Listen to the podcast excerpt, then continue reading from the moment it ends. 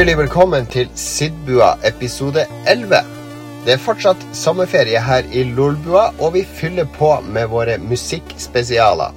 Forrige uke kunne du høre Christian ta for seg Sid-chippens fantastiske verden. Denne uka skal jeg guide deg inn i de japanske rollespillene som regjerte på Super Nintendo. Super Nintendo var liksom konsollen der de japanske rollespillene for alvor ble definert og etablerte seg som en egen sjanger. Det var på Super Nintendo at grafikk og lyd var kraftig nok til at rollespillene kunne definere sin egen egenart. Sin egen identitet, om du vil. Vi starter like godt med det kanskje aller største rollespillet som kom på Super Nintendo. Final Fantasy 6. Det sjette spillet i Final Fantasy-serien. De tre første kom til Nintendo 8-bit, mens 4, 5 og 6 kom til Super Nintendo. Og for et spill Final Fantasy 6 var, og for en introlåt. Nobuo Uematsu overgikk seg sjøl, og som han sjøl har sagt i ettertid, at tittellåten til Final Fantasy 6 er muligens den vanskeligste låten han noen gang har komponert.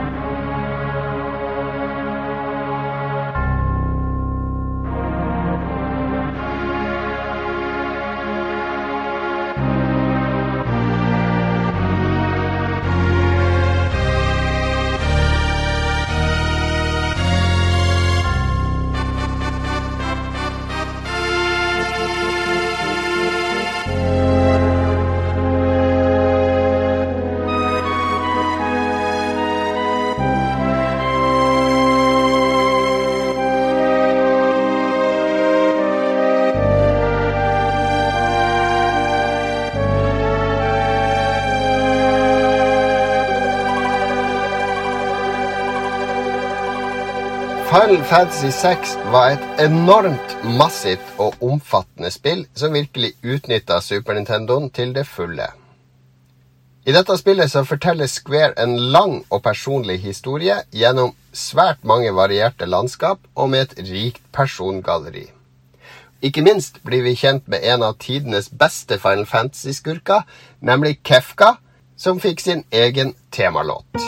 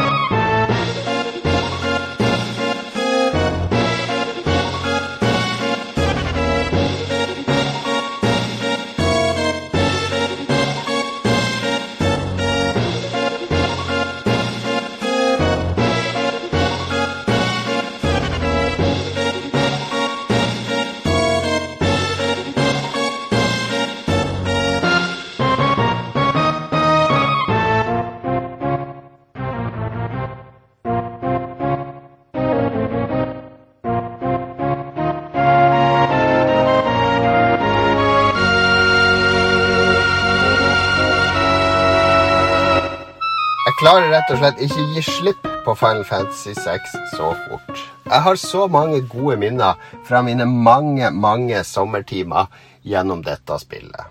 Og kanskje spesielt er det én låt som trigger disse minnene best, nemlig hovedpersonen Terra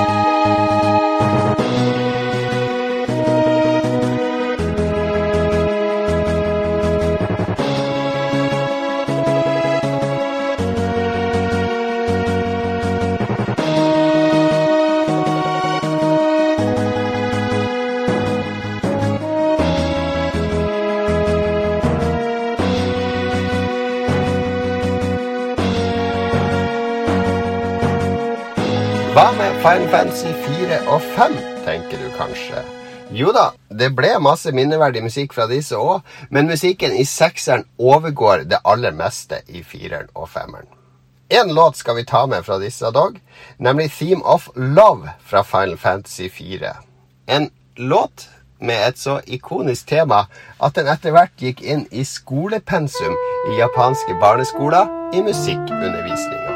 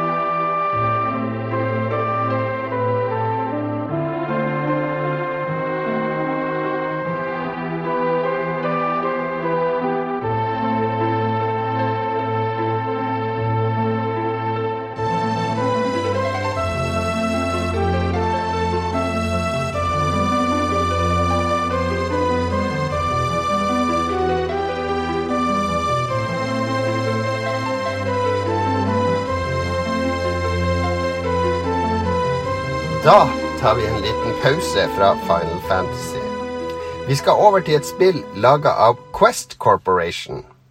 Dette var et selskap som ble sterkt redusert i 1995, når nøkkelpersoner i selskapet ble rekruttert av Square og starta der, i stedet for å fortsette i Quest. Hele selskapet ble for øvrig kjøpt opp på starten av 2000-tallet av nettopp Square. Quest er mest kjent for spillserien Tactics Ogre. Disse var eh, mer strategispill enn tradisjonelle japanske rollespill. Men det var nettopp denne blandinga av strategi og rollespill i spillet Tactics Ogre Let Us Cling Together som ble en helt magisk kombinasjon. Spillet var inspirert av borgerkrigen i Jugoslavia og ble designa av Yasumi Matsuno. Han var en av de som hoppa over til Square i 1995, og der fikk han lov til å regissere Final Fantasy Tactics-serien, som er en naturlig videreføring av nettopp Tactics Ogre Let Us Cling Together. La oss høre låten Avila Henya fra dette spillet.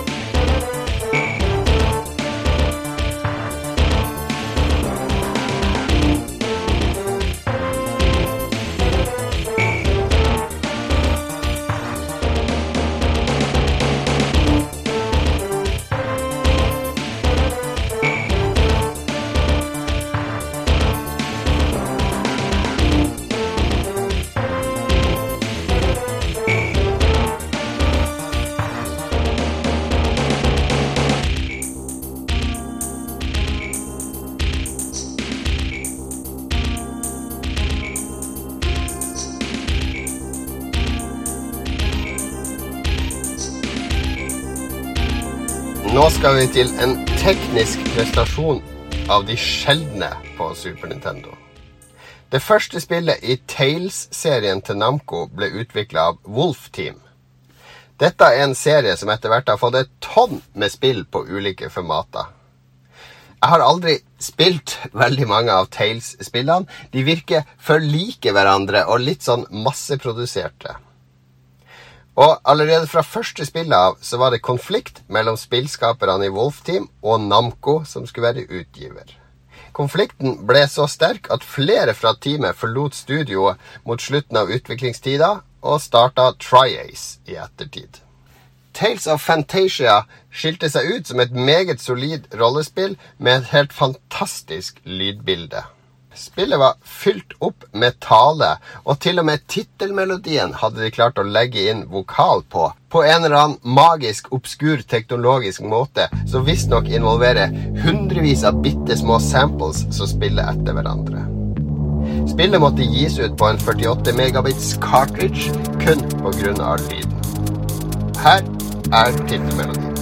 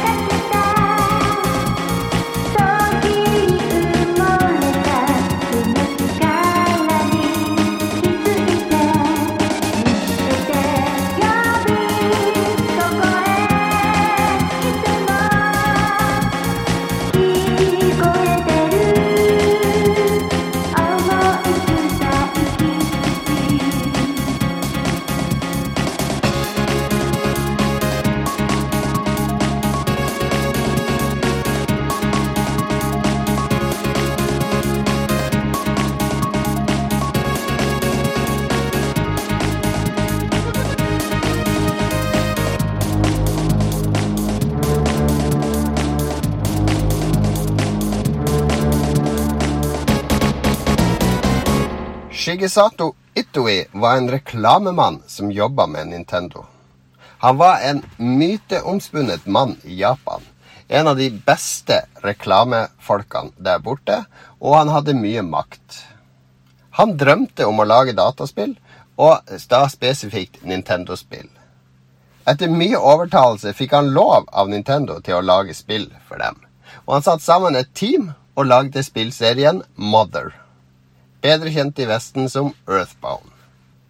Earthbound er et spill som veldig mange holder kjær. Det er i dette spillet vi blir kjent med gutten Ness og vennene hans, som reiser rundt i en surrealistisk versjon av USA. Dette er rett og slett Shigesato Itois tolking av americana og amerikansk kultur, iblanda store deler humor og surrealisme. Et helt essensielt japansk rollespill.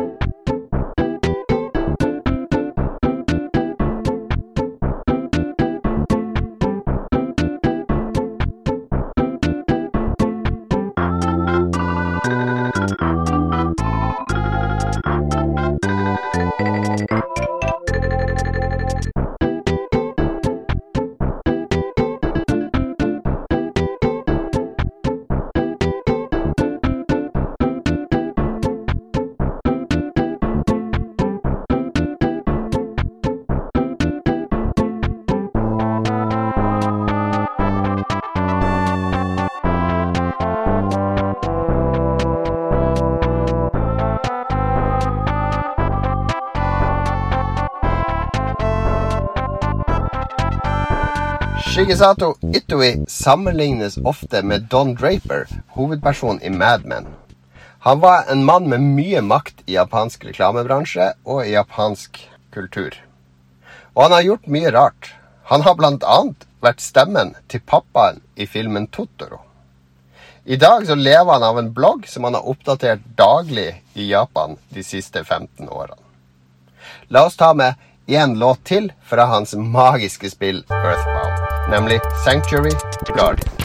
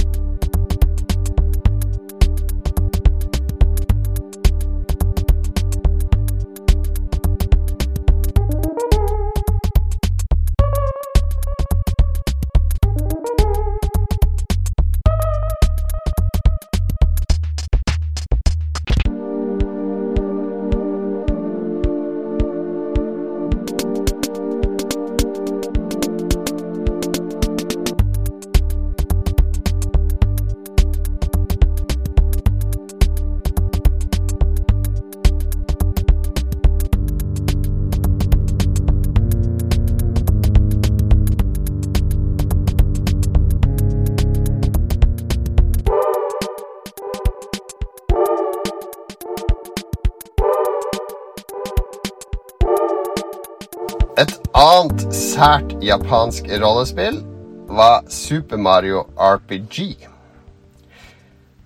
Nintendo sleit med å selge japanske rollespill i Vesten.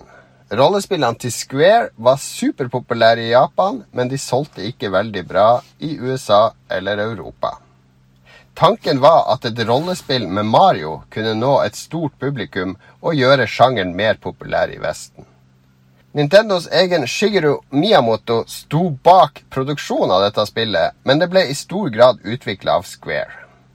Resultatet ble et unikt og vågalt innslag i Mario-universet, som la fundamentet for Paper Mario-serien og Mario og Luigi-rollespillene.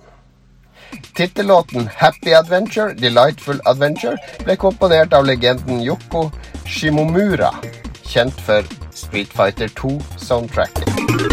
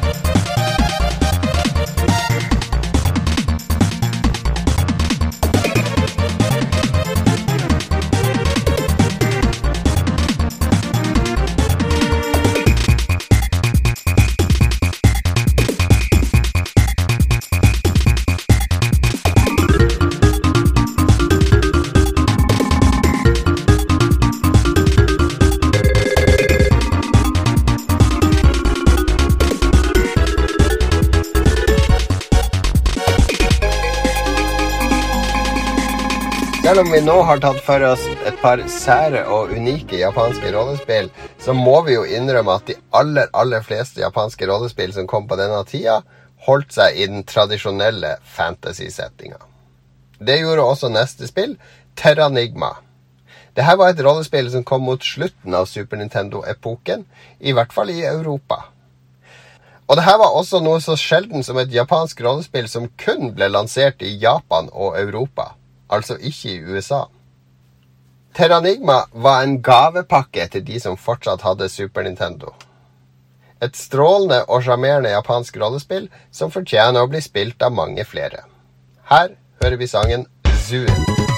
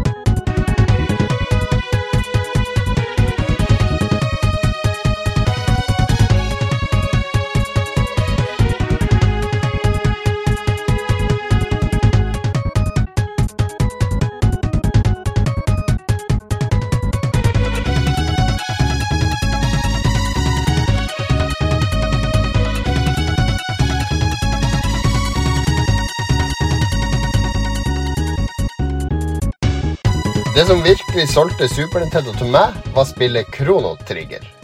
I 1996 var vi ferske PlayStation-eiere, Lars og meg. Vi hadde gått rett fra Commodore 64, Amiga og PC til PlayStation. Og vi hadde hoppa over alt av Nintendo-konsoller, som var noe vi anså som leketøy for barn. Men i kjølvannet av PlayStation-lanseringa var det en akutt mangel på kvalitetsspill å spille på Sony sin konsoll. Det var mye middleware og hurtig sammenraska ræl. I denne perioden så besøkte jeg en venn som hadde Super Nintendo og Kronotrigger. For et magisk spill. Jeg ble sittende i timevis og absorbere den eventyrlige stemninga fra spillverden. Jeg ble sjokkert over at denne barnekonsollen kunne ha et så dypt og stemningsfullt spill, mens jeg måtte spille skit som Loaded på min PlayStation.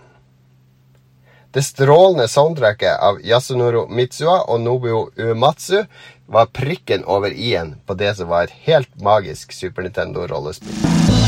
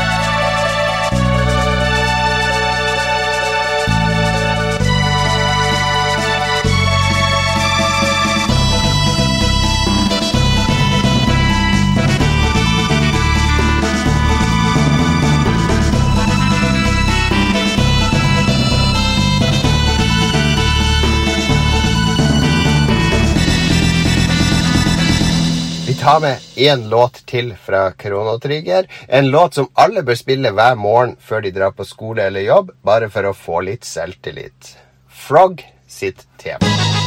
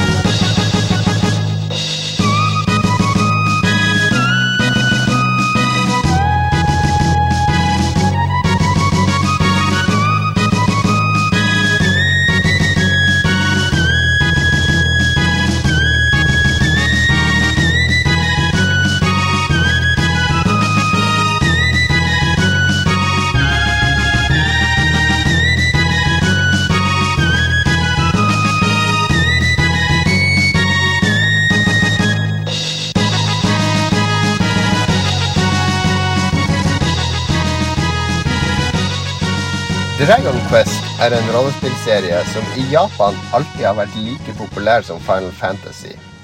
I Vesten har den vært litt tregere med å bli kjent. Yuji Hori har vært designer hele veien fra start, og Dragon Ball-tegner Akira Toriyama har vært karakterdesigner.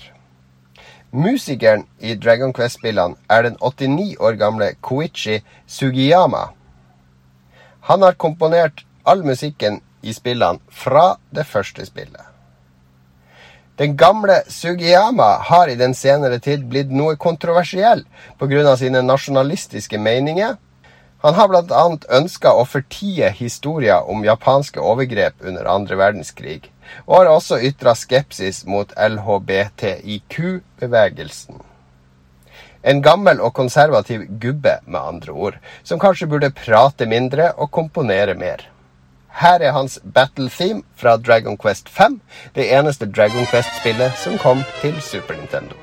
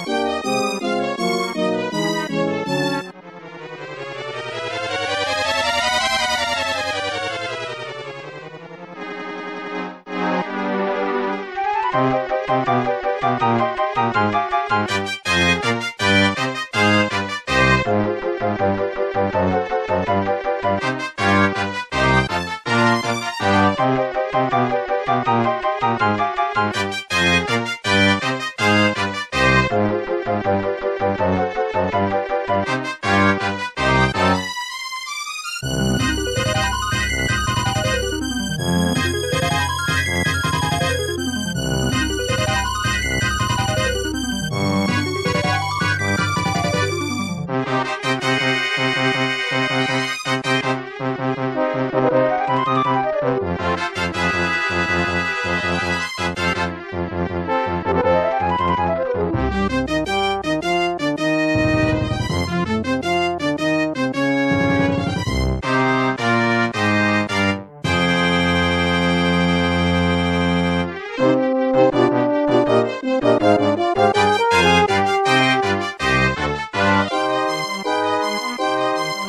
Til veis ende i denne oppsummeringa av rollespillmusikk fra Super Nintendo.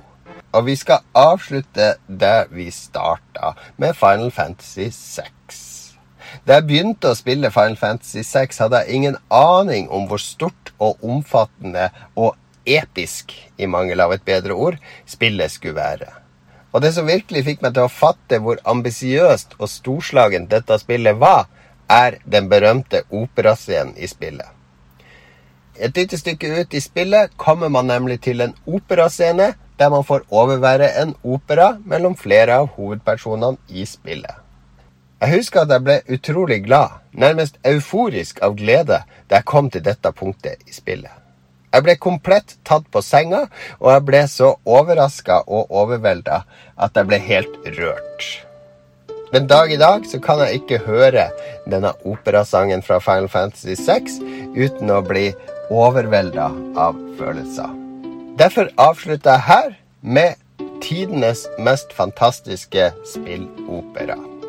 Takk til Stein Pedersen for intromelodien. Takk til alle patrions som støtter oss.